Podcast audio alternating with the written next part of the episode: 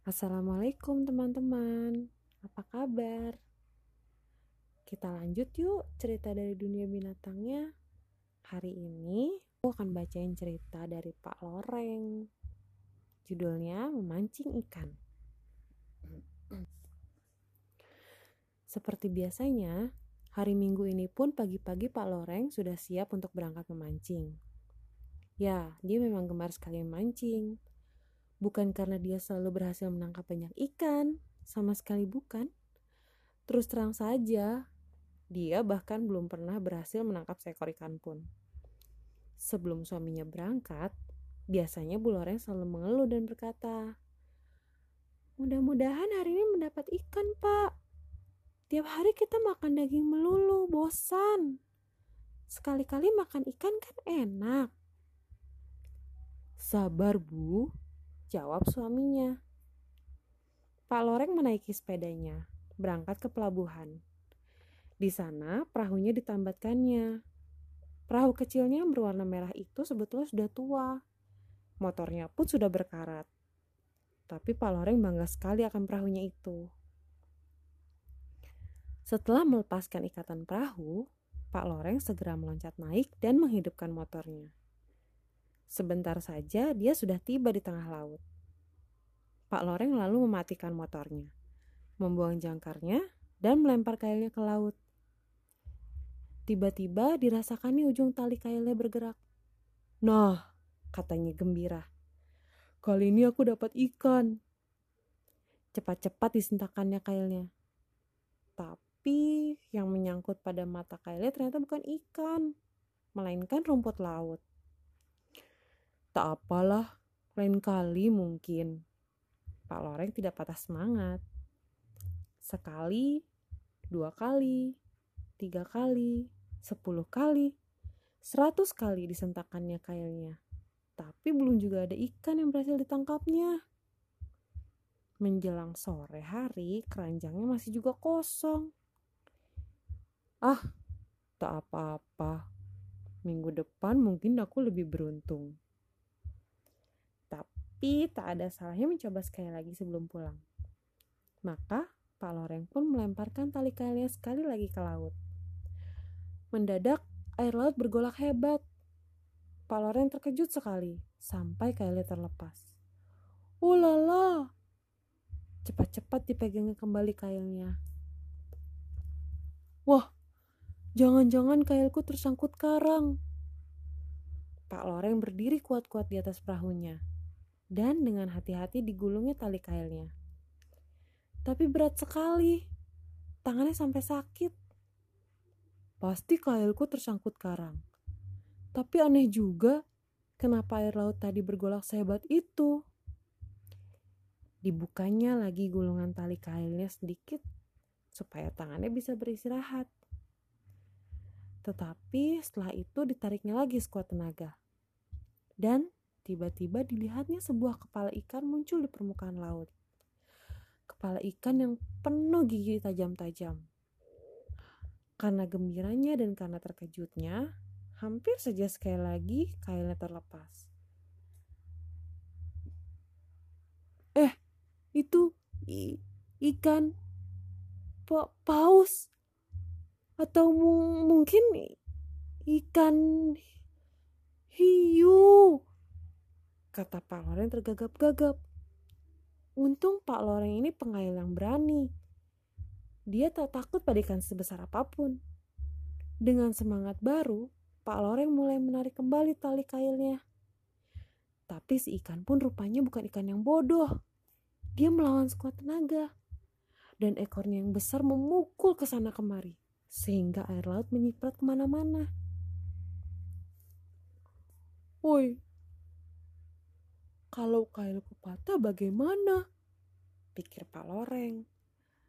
Apa sebaiknya aku lepaskan saja? Tapi betapa senangnya Bu Loreng nanti jika aku pulang bawa ikan. Pak Loreng mencoba menangkap ikan itu dengan jalannya. Tapi tak bisa, ikan itu terlalu besar. Ramai sekali pergulatan antara Pak Loreng dan ikan besar ini. Si ikan mencoba membalikan perahu Pak Loreng. Untung tidak berhasil karena Pak Loreng memang tangguh dan lebih kuat daripadanya. Si ikan pun akhirnya menyerah. Sekarang bagaimana caranya membawa ikan ini pulang? Ikannya begini besar, sedangkan perahunya begini kecil. Ditariknya separuh badan ikan itu ke atas perahunya. Ekornya dibiarkannya tetap di laut. Tapi sekarang Pak Loreng sendiri hampir-hampir tak bisa duduk untuk mendayung perahunya. Sempit sekali perahunya. Hampir saja ikan itu dilepas ke laut lagi kalau saja ia tidak teringat istrinya. Repot sekali Pak Loreng. Setiap mendayung dua atau tiga kali, dia harus berhenti dan menarik kembali ikan itu ke perahunya. Kalau tidak, ikan itu akan meluncur kembali ke laut. Hari telah gelap sekarang dan angin kencang bertiup. Tapi Pak Loreng bermandi peluh. Akhirnya tiba juga Pak Loreng di pelabuhan. Sekarang bagaimana cara membawa ikan ini pulang? Pak Loreng melihat jala besar dalam perahu di sebelah perahunya. Baiklah, kupinjam sebentar jala itu, cepat digulungnya ikannya sebentar jala itu lalu diikatkan ke boncengan sepedanya setelah itu Pak Loreng kembali ke perahunya untuk mengambil kail, jala, dan embernya. Ketiganya diikatnya kuat-kuat juga di boncengan sepedanya. Lalu Pak Loreng mengayuh sepedanya secepat mungkin untuk pulang. Kok telat benar, Pak? Seru istrinya dari jendela dapur. Masakannya sudah dingin lagi. Aku tahu, aku tahu, jawab Pak Loreng riang. Aku memang terlambat pulang. Tapi lihat apa yang kubawa untukmu. Bukan ikan kan? Ikan? Ikan besar. Cobalah lihat. Bu Loreng segera keluar sambil bergumam. Ikan! Ikan! Pak Loreng bawa ikan. Ikan! Ikan! Teriaknya ketika dilihat ikan raksasa di boncengan sepeda suaminya. Setelah itu, dia tidak bisa berkata apa-apa lagi. Betapa mujurnya suaminya. Betul juga apa yang selalu dikatakannya. Suaminya adalah pangeran yang hebat. Itulah sebabnya kau terlambat, katanya setelah dia bisa bicara lagi. Pak Loreng bercerita bagaimana seharian itu dia cuma menangkap rumput laut saja. Lalu sebelum pulang, dia melemparkan kailnya sekali lagi. Dan Loreng gak sabar lagi. Dia sudah lari ke rumah tetangga-tetangga mereka untuk memberitahukan kabar gembira ini. Datanglah ke rumah dan lihatlah ikan yang telah berhasil kami tangkap. Eh, aku jadi keliru, gurau Bu Antilop. Kukira seharian tadi Bu Loreng di rumah saja. Bu Loreng mengangkat bahu saja. Dia begitu bangga akan ikan itu, sehingga dia bangga juga kalau dikira ikut menangkapnya. Tetangga-tetangga berdatangan untuk melihat ikan itu. Mereka ramai membicarakan dan mengaguminya. Itu ikan tongkol, kata Pak Badak yang tahu banyak tentang ikan. Selamat Pak Loreng, kata Pak Beruang Putih. Aku tak tahu tetanggaku jago mancing. Bu Loren tertawa-tawa saja mendengar obrolan tetangganya. Dia senang sekali. Tiba-tiba dia mendapat ide. Bapak-bapak dan ibu-ibu sekalian, saya mengundang kalian semua untuk makan malam di sini. Hidangannya tentu saja ikan. Hore, hore, ide bagus, teriak Pak Loreng dan para tetangganya. Bapak-bapak lalu sibuk membuat api unggun di kebun untuk memanggang ikan itu. Sedangkan para ibu sibuk di dapur, menanak nasi dan membuat sambal. Sebentar kemudian bau harum ikan panggang tersebar ke mana-mana. Pak dan Bu Loreng serta tetangga-tetangga mereka duduk mengelilingi api unggun dan mulailah makan malam yang menyenangkan itu. Betapa lezatnya ikan panggang itu. Pak Badak sampai tabah empat kali.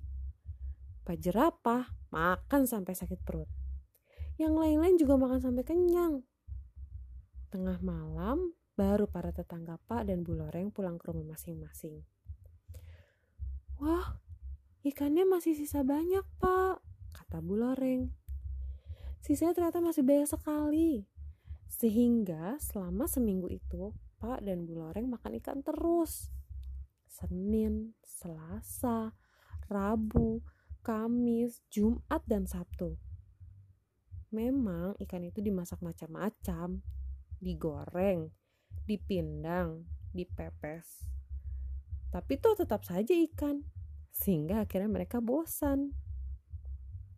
Sebelum suaminya berangkat memancing lagi hari minggunya, Bu Loreng berkata, Hari ini jangan bawa ikan deh pak, aku kepingin makan lainnya. Baiklah, kata Pak Loreng tertawa. Lalu dia menaiki sepedanya dan berangkat ke pelabuhan.